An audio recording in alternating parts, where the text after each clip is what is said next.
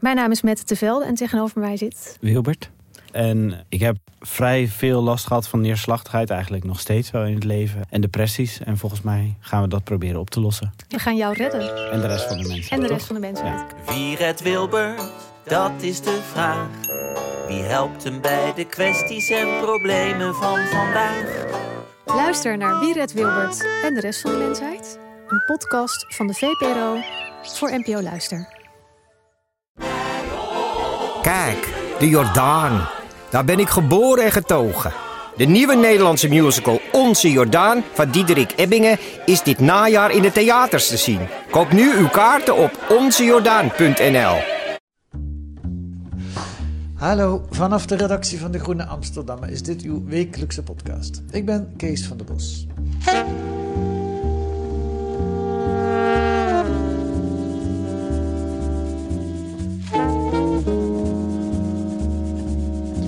Wat was het beleid van het ministerie van VWS na de eerste coronagolf? Of liever gezegd, waar was dat beleid? Is het ministerie niet enorm tekortgeschoten in haar leidende rol? En zo ja, hoe komt dat? Geen gemakkelijke vragen die Thomas Muns, Carlijn Kuipers, Belia Helbron en Emiel Woutersen zichzelf stelden. U kunt het lezen in de Groene Special en ze zitten hier om het uit te leggen. Welkom in de podcast Thomas, Carlijn en Emiel. Dank je. Dankjewel. Dankjewel. Eh Belia kon er niet bij, hè? meer microfoons hebben we niet. Die kon ook niet, dus dat eh, scheelde. Ah ja. Voordat we het over de inhoud gaan hebben, wil ik het over het onderzoek hebben. Hoe is dit onderzoek begonnen? Wie van jullie drieën is de, de motor? Of hoe is het gegaan? Belia bracht ons bij elkaar. Vandaar dat er even stilte viel. Ja. ik kan wel vertellen hoe dat ging. Kijk, we hebben eh, tijdens de eerste golf eigenlijk allemaal al wat corona-onderzoeken gedaan. Dus we hebben de GGD's onderzocht, de laboratoria, ehm, ja. nog wat andere onderwerpen. En eigenlijk drong bij ons steeds meer de vraag op van waar is dat ministerie? Wat doen zij eh, om, om, om die crisis goed door te komen? Eh, Dat, dat kwam naar boven in die eerdere onderzoeken. Dat- ja, omdat ja. we daar al af en toe zagen dat, dat het ministerie wel heel afwezig was. Of de GGD's bijvoorbeeld compleet overviel met nieuwe ideeën waar die, waar die GGD's niks van wisten. Ja. Ehm, en toen kwamen we bij elkaar van, oké, het, het, het is inmiddels wel tijd om dat dus te gaan onderzoeken, dat ministerie. En toen kwam de vraag van, hoe dan?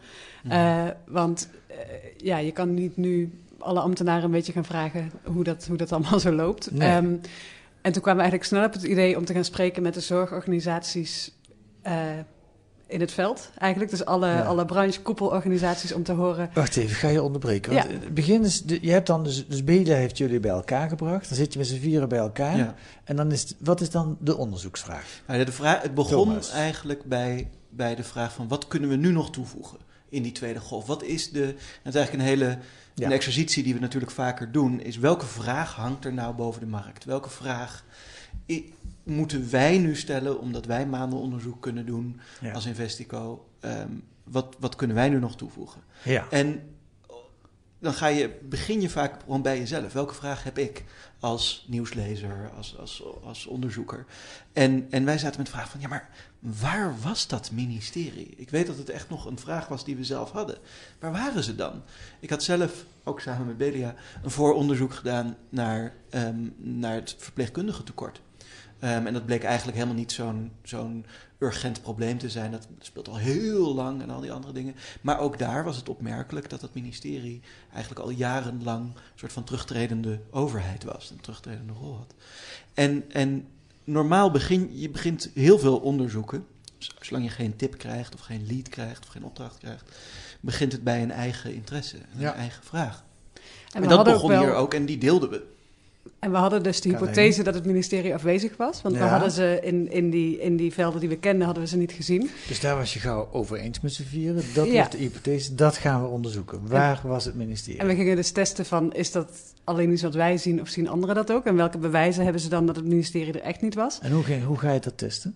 Nou, dat deden we dus door, door verschillende eh, zorgorganisaties te spreken. Allemaal mensen die eigenlijk iets met het ministerie van doen hebben. Die iets van Ja. het ministerie nodig hebben om die crisis zo goed mogelijk door te komen. Dus jullie hebben z'n vier bij elkaar zitten, waren het eens over die vraag. En dan verdeel je, eh, jij Ja. belt de burgemeesters, Ja. jij belt eh, Ja, de letterlijk zo. Zo is het wetenschappers. gegaan. Ja, Ja. ja, ja. ja. Want dat is misschien ook goed om te weten Emiel. voor, voor de luisteraars. Eh, als, met een ministerie kan je eigenlijk niet praten als journalist. Omdat alle ambtenaren op een ministerie...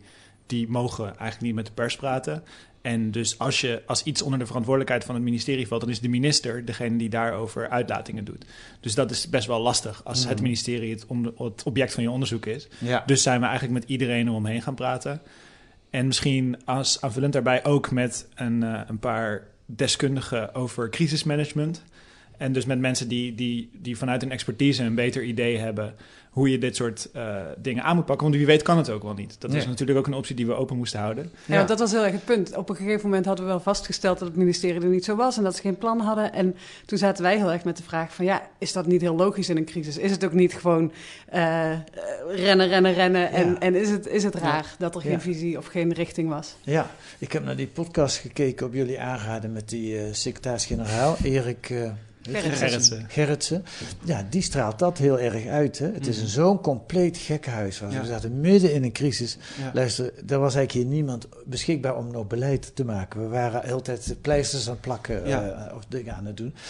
En zo, was hij, zo heeft hij het beleefd. En, en eh, dat kwam, dat, zo kwam het ook wel authentiek over, zou ik maar zeggen. Ja. Zo, zo zat hij Maar dat was het ook, denk ik. Ik denk dat ik, het- het- ons, wat, wat we, onze conclusie is helemaal niet dat ze, dat ze te weinig hebben gewerkt of, of niet hun best hebben gedaan. Het, het, het punt is vooral dat ze ja, eigenlijk niet de juiste dingen hebben gedaan. Ja. En, en een van onze bronnen die zegt van het ministerie heeft twee taken. Ze moeten wetten schrijven en, en Plannen maken. plannen maken.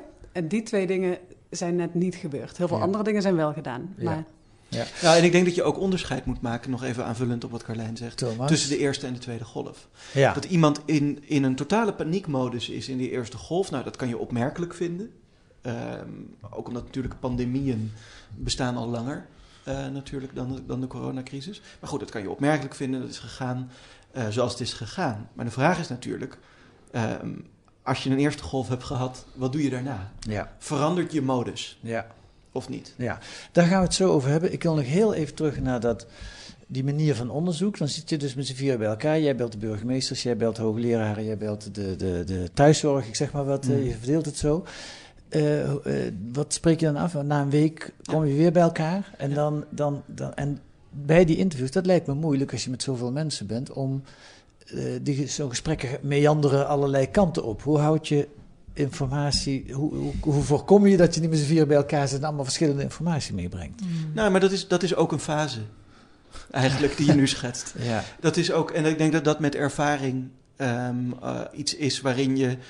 Ik denk dat iedere onderzoeksjournalist het moment kent waarin je. eh, of iedere onderzoeker, iedereen die een scriptie schrijft zelfs, het moment kent waarin je denkt: oh mijn god.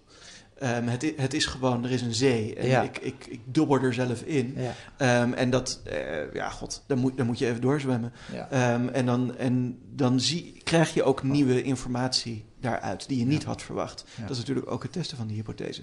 Tegelijkertijd hadden we wel al heel scherp vastgesteld van ja, we gaan niet alle klachten. Want natuurlijk heeft, heeft iedereen klachten over een ministerie. Ja. Gaan we niet inventariseren. We zijn niet ehm, eh, de klachtenbox of de ideeënbox Nee. voor de zorg.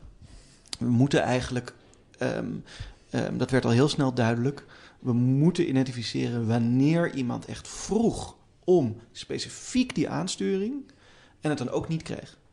Ja. Eh, en, dat is, en dat is iets anders dan dat je zegt, ja, ik vind het ministerie eh, Traag. traag of, Ja. of Ja. enzovoort. Daar, Ja. daar is een onderscheid in. Ja, ja, ja. Nee, en die fase van dat zwemmen, dat ken ik inderdaad uit eigen ervaring. Ja. En het knappe van onderzoeken als je ze leest, is dat het eigenlijk vrij simpel lijkt allemaal. En vrij dwingend ook wat je gevonden Ja. hebt. En hoe, maar dat is tijdens het onderzoek, kan je daar soms totaal de weg in kwijt Ja, zijn. eigenlijk Ja. kom je elke week weer samen met een bak informatie. Ja. Dan ga je bij elkaar zitten, praat je elkaar bij en dan bepaal je opnieuw de koers. Ja, Dus Ja. dan, dan identificeer je van oké, deze vragen liggen nu open, dit moeten we nu doen. En zo Ja. ja. kom je elke week dichter bij. En dingen werken Stuk. ook niet. Eh, We Ja. hadden best wel wat ideeën nog voor dit stuk, zoals eh, de GGD'en. Daar wilden we, we wisten uit eerder onderzoek, wisten Carlijn en ik, dat die soms volledig overvallen worden door het ministerie. En we weten eigenlijk nog steeds dat dat gebeurt. Maar Ja.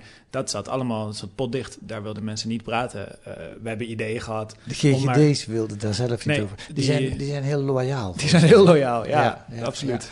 Eh, en we hebben nagedacht om met ventilatie in scholen, dat was een thema dat speelde, zouden we daar niet iets mee doen? Maar ja, dat was eigenlijk niet zo interessant in deze context. Dus je hebt ook, Ja. Dat zijn precies van die dingen waar Thomas net zegt, dat blijkt en dat, nou, dat valt dan af en je gaat verder met de vragen kan- die er liggen. Ik kan er een aanvullen die ook koer- Oh, koers, ja. koerswijzigend was. Ja. Ehm, de, de, ehm, ik sprak op een gegeven moment met een, met een woordvoerder van een ziekenhuis en we hadden het over dat testbeleid, eh, waar ook het, het, het stuk het een en ander over heeft. En die zei op een gegeven moment: Ja, joh, moet je eens luisteren. Ehm, eh, ik, eh, wij zitten in een academisch ziekenhuis. We hebben een laboratorium in-house. We testen al onze patiënten eh, en we testen al ons personeel. En dat gaat gewoon naar het einde van de gang. Dat hoeft helemaal niet naar Abu Dhabi of Duitsland of wat dan ook. Ehm, dus ja, nee, het speelt hier niet zo heel erg. En dan kan je zeggen van, oh oké, eh, ehm, dat, dat doet het ministerie dan wel goed of zoiets. Maar dat is uiteindelijk een belangrijke zin richting het einde geworden over zeg maar, de zelfredzaamheid van Ja. sommige spelers. Bijvoorbeeld die ziekenhuizen. Ja. Die inderdaad zeiden van, nee, we zien de problemen niet zo, want Ja. nee, we hebben gewoon een laboratorium in-house. ja. En dat, dat, ja, dat, dat ver- ver- verrijkt je materiaal. Goed, dat tot zover wat mij betreft over het onderzoek. Er komt misschien nog wel meer als we... we- duiken de inhoud in. Volgens mij is een belangrijk moment eh, als de eerste golf voorbij is. Eh, en de laatste persconferentie eh, van De Jonge en Rutte was op 24 juni. En daar, daar laat ik jullie nu een stukje van horen. Wat we nu doen is ons juist voorbereiden om het zo lokaal mogelijk te kunnen aanpakken. Dus wat, je, wat we gaan doen is, nou, bijvoorbeeld met die eh rioolwatersurveillance, is eigenlijk bij alle rioolwaterzuiverinstallaties eh, meten. Iedere dag meten. Zodat we het heel snel, dat is echt een paar dagen eerder dan mensen klachten krijgen, zien we het dan al in het rioolwater. Dan weet je dat je ergens moet ingrijpen. En dat is één van de voorbeelden. Maar het bron- en contactonderzoek en het preciseren van het bron- en contactonderzoek op de manier zoals we nu gaan doen, ook dat is er allemaal juist op gericht om nog dichter op de bal te zitten. En als we dat doen, dan weet ik zeker dat we heel lokaal, heel precies, hooguit regionaal, eh, de meeste maatregelen kunnen treffen. En, zodra dat virus weer ergens de kop opsteekt, het de kop indrukken. En daar doen we al die dingen voor, met het dashboard, met testen en traceren, et cetera. Alles om zo lokaal mogelijk en zo regionaal mogelijk meteen dat virus weer de kop in te kunnen drukken als het de kop opsteekt. Ja, ja, dat is een beetje anders gelopen dan Hugo de Jonge hier voorspelt. Twee dagen na een landelijke lockdown. Ja. Ja, ja.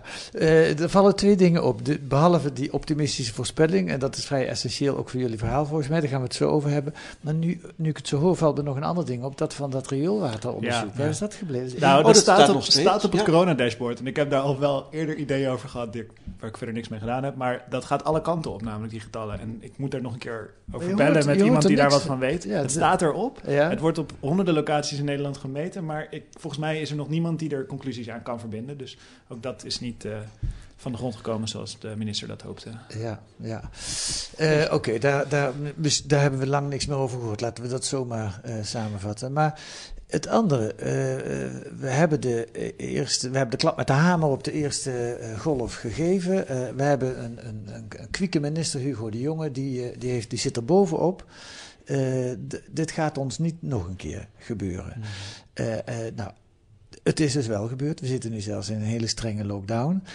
Nu is de vraag, je kan zeggen, wat ligt er aan het ministerie? Ja. Of hoe komt het, wat ook vaak gezegd wordt, doordat mensen zich niet aan de maatregelen houden. Dus het ministerie doet misschien best goed, maar ja, als wij ons allemaal niet goed gedragen, dan is, staat het ministerie ook machteloos. Ja. Kijk, dat een tweede golf er zou komen, dat stond eigenlijk als een, als een paal boven water. Van dat, dat, daar hebben alle experts vanaf juni of vanaf april al voor gewaarschuwd. Van in het najaar moet je voorbereid zijn op een tweede golf. Ja.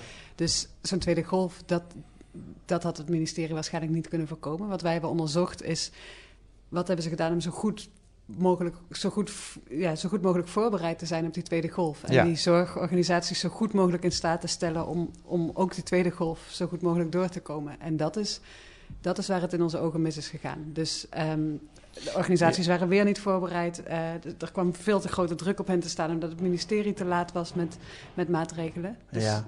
Dat, ja. En, en niet alleen de zorgorganisaties, want we, we noemen ook in het stuk de, precies de mensen waar Hugo de Jonge naar verwijst eigenlijk in het fragment wat je net liet horen. Ja, De regionale eh, eh, types, namelijk de burgemeesters. ja. Ehm, en wat ik eigenlijk verbazend vond om te horen uit de gesprekken die jij volgens mij, Carlijn, met de burgemeesters deed, was dat die zeiden van ja, nee, maar direct na deze persconferentie ehm, is, het, is ehm, het kabinet eigenlijk uit het periodiek overleg met ons gestapt.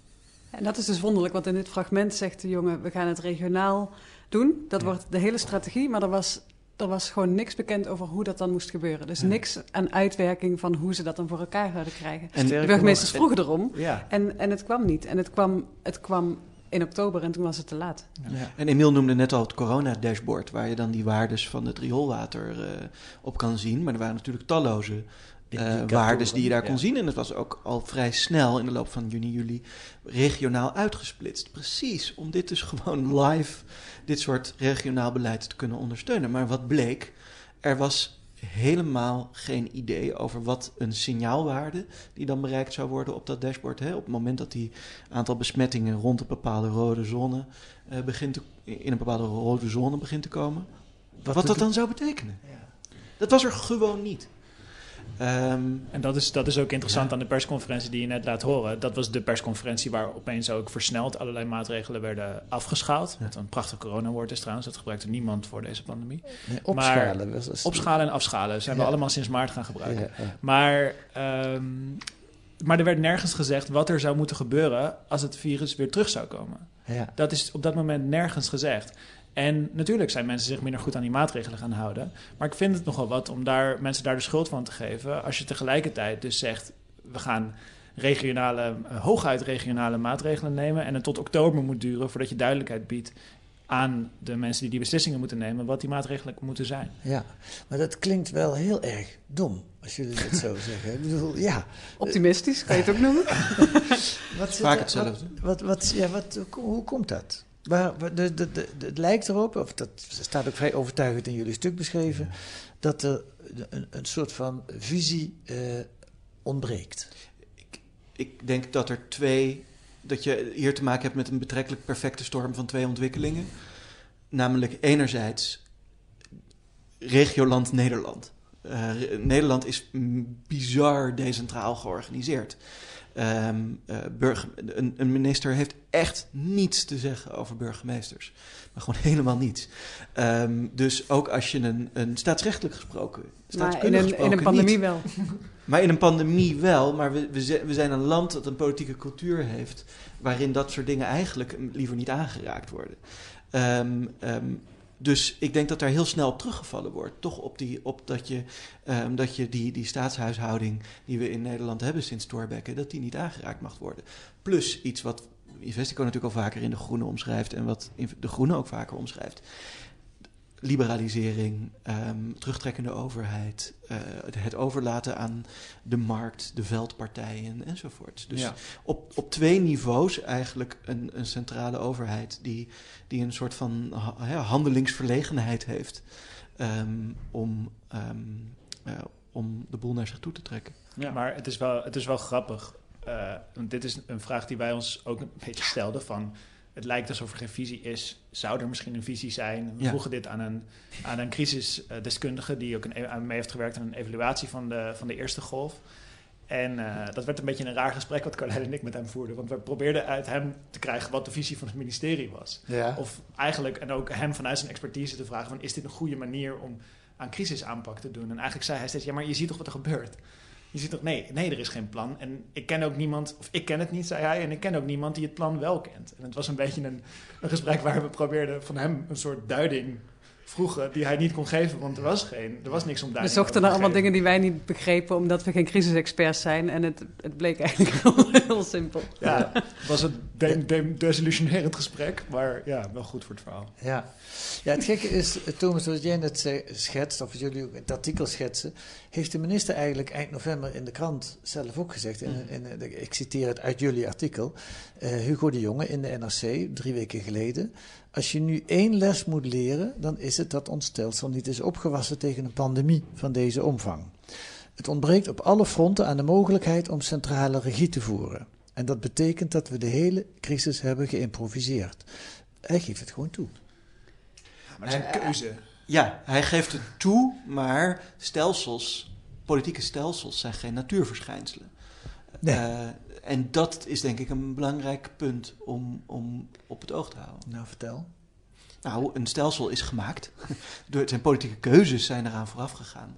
En ook om je neer te leggen bij een stelsel. En ik denk dat dat uiteindelijk op de termijn waar wij ehm, over schrijven. Om je neer te leggen bij dat stelsel, dat is ook een, een, een politieke keuze van je welste. En uiteindelijk is het heel simpel van de minister is eindverantwoordelijke om, om te zorgen dat we deze crisis zo goed mogelijk doorkomen. En als hij ziet van we hebben een stelsel dat niet werkt, dan moet je dat anders organiseren. Ja. En een tweede punt is van, eh, het, hij suggereert hierin een beetje dat hij weinig te zeggen heeft over de GGD's of over decentrale organisaties. Maar wat wij zagen is dat die organisaties gewoon vroegen om, om aansturing. Ja. Dus het is ook helemaal niet dat die macht er niet was of zo. Die organisaties vroegen van, leid ons. Dan heb je helemaal niet veel veranderingen in je hele stelsel nodig om dat gewoon te gaan doen. Ja, dus, En, ja. sorry, als nog, nog een aanvulling daarop. Nee, doe maar. We spraken met de, de man van de, de koepel van de thuiszorgorganisaties. Die hebben maanden moeten aandringen op snellere testen voor hun personeel. Omdat de roosters niet meer te maken waren. Omdat iedereen thuis zat. Omdat ze aan het wachten waren op het resultaat van hun coronatest. En dat kon gewoon. Ik bedoel, en dan zeggen, ja, maar het stelsel. Hm. Ik bedoel, die man is gewoon niet, die, die organisaties zijn gewoon niet, die hebben niet gekregen waar ze om hebben gevraagd. Die hebben gewoon geen antwoord gekregen op die vraag zelfs. En dan kan je wel zeggen dat het stelsel niet geschikt is voor een pandemie, maar dat vind ik dan wel een beetje makkelijk. En wie is daarvoor verantwoordelijk? Nou ja, Nou, in, de, in een pandemie is, is het ministerie van VWS de eindverantwoordelijke. Dus, En dus minister, dus de minister de Jonge. Ja, ja, ja. Eh, en, en wat hij hier bij de NRC doet, is zich een beetje wegkruipen achter, eh, achter het stelsel. Ja, Eigenlijk. dat is wat hij doet. We Ja. gaan weer even naar de grote leider zelf luisteren. Eh 13 oktober, eh, we zitten dan weer een paar maanden verder. De tweede golf is al, eh, eh, eh, zit er al flink aan te komen. Is er weer een persconferentie en daar zegt Hugo de Jonge het volgende. En juist met een grillig virus moet onze aanpak voorspelbaar zijn. En daarom hebben we een routekaart gemaakt waarop we voor iedereen duidelijk maken welke maatregelen op welk moment nodig zijn om het aantal besmettingen onder controle te krijgen. Vier risiconiveaus, bij elk risiconiveau de maatregelen die nodig zijn. In oktober is het probleem opgelost. We hebben vier risiconiveaus en daar horen dan maatregelen bij. Wat, wat, die, wat jij zei, Emil zei, wat hij in juni al aankondigde, maar wat dat toen nog niet was. Klopt dit, wat de minister hier zegt? nou ja, de maatregelen die op diezelfde persconferentie werden afgekondigd waren landelijk. Dus eh, Ter plekke werd hij eigenlijk al tegengesproken, bedoel je? ja, het was eigenlijk al, het, hij kwam te laat. Eh, Ja, en op dat moment was het voor de burgemeesters ook al wel duidelijk dat, dat die regionale aanpak er al niet meer in zat. ehm, Ja. wat, eh, ik weet niet wat je er nog meer over wil horen eigenlijk. Ja, jullie moeten alle drie Maar dit, maar dit lachen. wel nee, maar dit schetst dus wel het, het, eh, eh, het gevoel bij dit onderzoek. En jij, noem, jij noemde het net zelfs dom. Of ik moet meer denken aan stom, als in niet... Er is geen tekst. Ja, Eh, Dat is steeds wat... Het is een soort, lijkt een soort van gat ja. waar je naar zit te kijken. Ehm, van verantwoordelijkheid, van planning, van regie, van, van wetten zelfs. Maar en tussen, tussen, je liet twee persconferenties horen. Ja. En bij de ene werd ingezet op regionale maatregelen. Bij de tweede kwamen die regionale maatregelen er. Zat bijna vier maanden tussen. ja. Ik bedoel, ja. En het testbeleid, dat was ook een geweldig probleem. Is het eigenlijk nog steeds. ja Maar daar hebben ze toen een speciale gezant voor eh, aangenomen. Maar ook in jullie artikelen staat er uitgebreid beschreven hoe, hoe moeile- moeizaam het op gang kwam dat zorgverleners snel, sneller getest konden worden. Waardoor er heel veel mensen onnodig thuis gezeten hebben omdat ze in quarantaine Ja, moesten. en dus eigenlijk die hele sector al, al uitgeput begonnen in de tweede golf. Omdat de mensen die, die, die niet thuis zaten te wachten op een test echt allemaal overuren moesten werken, weekenden moesten doorwerken. Terwijl je, ja, je zou toch willen dat die mensen zo goed mogelijk voorbereid zijn op zo'n tweede golf. Ja. Heeft het iets met de politieke visie van de, of de politieke partij van de minister te maken, met het CDA? Of is het de tijdgeest, of is het gewoon de persoonlijkheid van Hugo de Jonge, die meer naar zijn schoenen Nou, kijkt dan we spraken, Emiel en ik spraken met Marcel Levy. Hij is eh, oud voorzitter van het Amsterdam Medisch Centrum en Ja. is nu ziekenhuisdirecteur in Londen. Ja, En we vroegen hem van, kan het ministerie het niet of, of willen ze het niet? En wat hij zei van, het was lang ideologie om een klein ministerie te hebben, een, een kleine overheid. En dus is het ministerie steeds minder gaan doen. En dat is, heeft zo lang geduurd dat ze het inmiddels niet meer kunnen. Eh, dus zelfs als ze het nu zouden willen, want de jongen zegt ook van ik wil st- meer strakkere sturing door, door de overheid in, in de zorg. Ehm, maar die leven die zegt van dat nu kan het niet meer. nee. Ja, ik denk dat je moet vast... Het, het punt van ideologie is gewoon gepasseerd. Ja. Het, is, gewo- het is gewoon zo, ehm, eh, zo klein gemaakt, zo'n ministerie. Slagkracht is er zo uitgezogen en het veld, een vervelend beleidswoord is, maar goed, de sector die ze, waar ze wettelijk voor verantwoordelijk zijn, die is ook zo complex geworden. In, Ja. zeg maar, hè, want ze hebben s- duiveltje gehad met, met uh, zorgverzekeraars enzovoort enzovoort. Dat, dat, dat, ja, het kan niet meer. Het is zo ordinair als dat. Wat ik heel pijnlijk vond, wat ik zelf niet zo wist, maar pas door het lezen van jullie artikel me duidelijk werd, is dat op een gegeven moment in die lacune die er is, een maatschappelijke organisatie springt die zegt, die het belangrijk vindt, wij gaan wel beleid maken. Ja. Dat zijn de werkgevers. Ja. En die komen dan het VNO-NCW en die maken een plan. Ja. Nou, vertel, hoe gaat het verder? Nou, een stapje daarvoor eigenlijk. Um, in september waren er verschillende organisaties die vroegen om een plan van het ministerie. Dus de GGD's die vroegen van, we hebben een nieuw testplan nodig. Er, er moeten nieuwe uitgangspunten komen. De, de inspectie zei van, er moet, er moet een nieuw testbeleid komen. Dat kwam er niet. En toen kwam VNO eigenlijk langs zij met een plan. En uh, minister De Jonge zei letterlijk van, we kunnen uh, wat we kunnen en willen ja. dit ja. niet tegenhouden. Ja. Het is een belangrijke maatschappelijke organisatie, daar moeten we naar luisteren, denk ik. Dat dan, uh, ja. en de markt wil dit. Dat was ook, uh, de werkgevers willen deze test. Want dat was, dat was een belangrijk deel van het plan van VNO-NCW, was dat werkgevers ook toegang kregen tot sneltesten voor hun personeel. En, uh, Wat ze inmiddels ook hebben, hè? Uh, nou, dat is nog een interessante vraag. Want dat is, uh, daar worden nu in december pilots mee uitgevoerd. Want het bleek dat dat nog allemaal wel wat ingewikkelder was... dan dat je een setje sneltests opgestuurd moet krijgen. Want dat is gewoon een medisch onderzoek, zo'n sneltest. Dus daar moet ook een arts bij betrokken zijn. Daar moet je die, moet je, die resultaten moet je op een privacy verantwoorde manier doorgeven. Alleen, dat, stond allemaal, dat moest allemaal nog even uitgewerkt worden. Hmm. En... Um, maar je ziet dus dat in dat plan wat Hugo de Jonge vervolgens schreef, dat er van de 4 miljoen sneltests die hij besteld heeft, dat er 3 miljoen naar VNO en CW gaan. En 1 miljoen naar de GGD'en. En dus... En dat is dus het wonderlijke van het. Het, het lijkt dat, dat VNO ook echt invloed heeft gehad op de uitgangspunten van het beleid. Dus kijk, het, het, het, is prachtig als VNO wil helpen met de uitvoering en zo. Maar, maar ze hebben ook echt de uitgangspunten van wie, wie als eerste de test krijgt, wie voorrang heeft. Daar hebben ze ook invloed op gehad. Ja. Wacht even, die cijfers zijn nogal schokkend. Dus 1 miljoen van de 4 miljoen sneltesten gaat naar de GGD's en 3 miljoen gaat naar de VNO-NCW of naar de werkgevers. Ja, ja, goed, naar, naar bedrijven die daar dan hun, hun medewerkers mee kunnen sneltesten. Ehm, om ontwrichting van de economie tegen te gaan. Overigens is dat nog niet. Maar dat is toch, je zou verwachten dat dat naar de ziekenhuizen en de thuis, naar thuis uh, de GGD. Nou ja, dat, zijn ook werkgevers, dat zijn ook werkgevers, hè? Dus die kunnen, ah, die kunnen, ziekenhuizen kunnen nu wel, hebben nu wel beschikking over sneltesten en kunnen die gebruiken. Oké. Ehm, en dat plan om die, al die werkgevers sneltesten te geven is nog niet echt van de grond gekomen. En het is nu ook een iets minder urgent probleem, omdat de testcapaciteit op dit moment gewoon veel groter is. Dus dat, zeg maar, het, het grote probleem wat met die sneltesten opgelost zou moeten worden, was die lange quarantaine. Ja. Of eigenlijk die lange tijd dat je zat totdat je je testresultaten had. maar dat is nu een stuk. Ik heb me afgelopen weekend laten testen en dan binnen, binnen 12 uur resultaat. Gewoon bij de GGD. Okay. Dus ik denk dat dat ook ervoor zorgt dat dat probleem wat minder relevant is. Ik denk wat vooral interessant hieraan is, is VNO wilde graag sneltests. Zij kwamen met dat idee, terwijl bijvoorbeeld de koepel van, uh, van verpleegorganisaties... zij wilden vooral hun personeel zonder klachten kunnen testen... zodat ze konden voorkomen dat er in verpleeghuizen uitbraken kwamen. Daar is, eh, voor zover wij kunnen zien, niks meer gebeurd. Terwijl die sneltests hebben wel ineens een vlucht gekregen. Dus, dus ja, het heeft te maken met prioritering. Ik denk dat, dat, dat je daar, als je een heel klein beetje uitzoomt... is dat het, gewoon het vreemde. Je hebt een ministerie dat is verantwoordelijk voor de zorg... Dan zegt de inspectie en de GGD's. Dus de inspectie is degene die jou scherp moet houden. Hè? En de GGD's, dat zijn de mensen die het uit moeten voeren. Die zeggen allebei: jij moet de regie nemen en jij moet een uitgangspunt formuleren. Dan heb je de mensen die die, die regie het hardste nodig hebben, zo'n verpleeg, eh, dat verpleeghuissector, um, vragen daar ook om. Die vragen heel specifiek om iets. Het komt allemaal niet.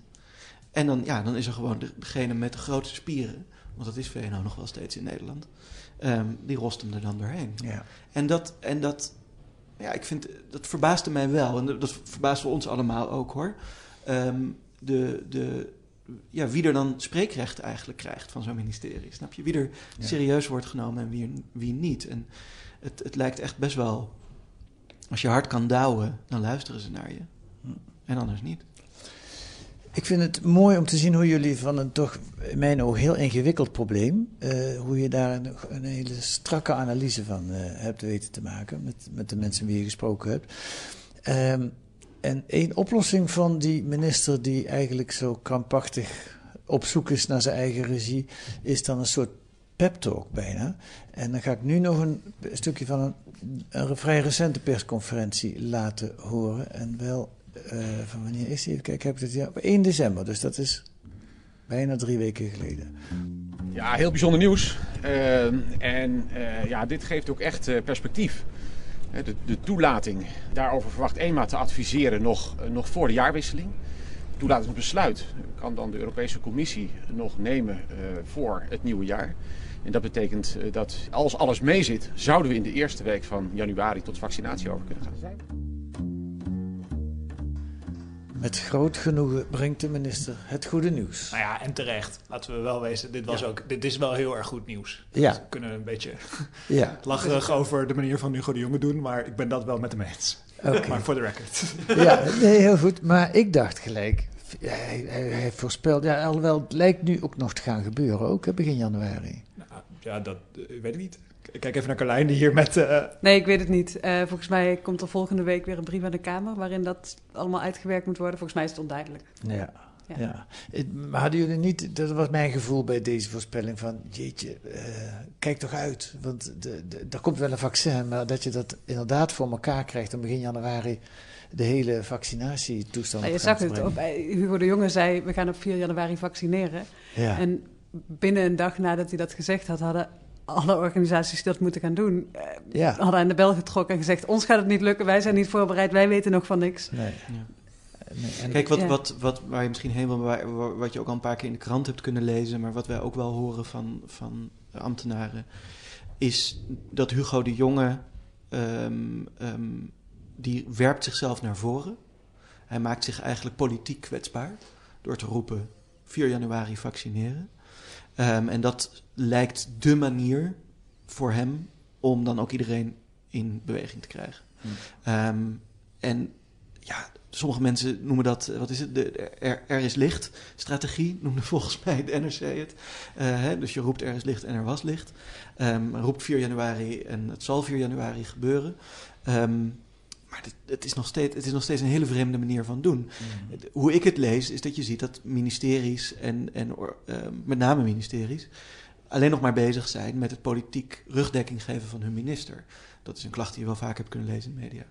Um, en misschien maakt hij daar wel gebruik van. Het idee dat als hij zich zo kwetsbaar maakt, dat dan iedereen begint te rennen.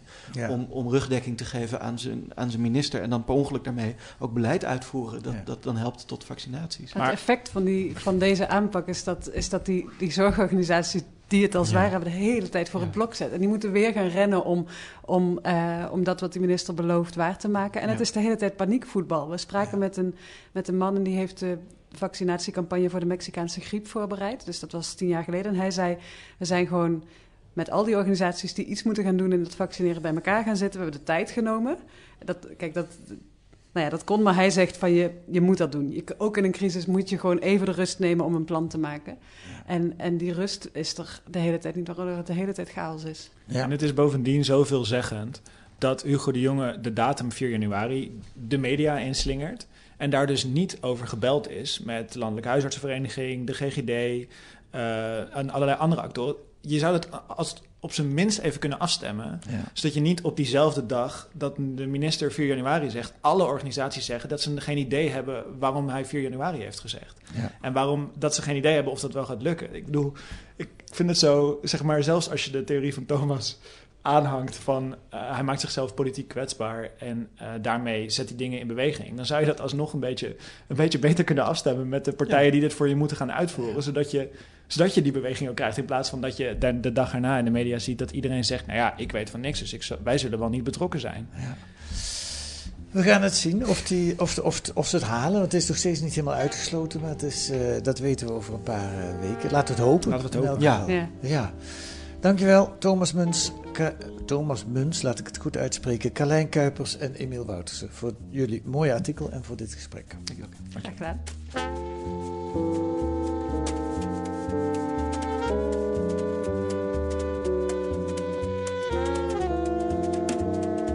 En verder in dit dubbeldikke winternummer een profiel van Jaap Korteweg, de oprichter van de Vegetarische Slager. Hij is nu bezig met een nieuw project, melk en kaas uit gras.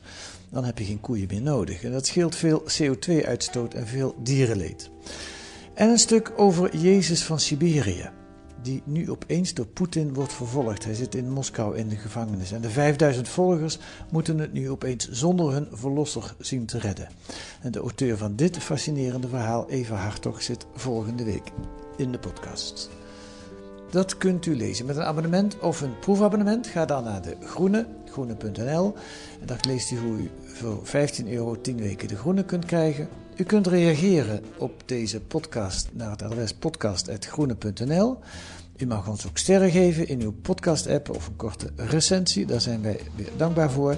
En volgende week zijn wij er weer met een analyse en achtergronden bij het nieuws. Nou, dat heb ik eigenlijk net gezegd, met Jezus in de gevangenis in Moskou. En deze week werd de podcast gemaakt door Abel Bormans en Kees van Bos. De muziek is een tune voor N van Paul van Kemenade.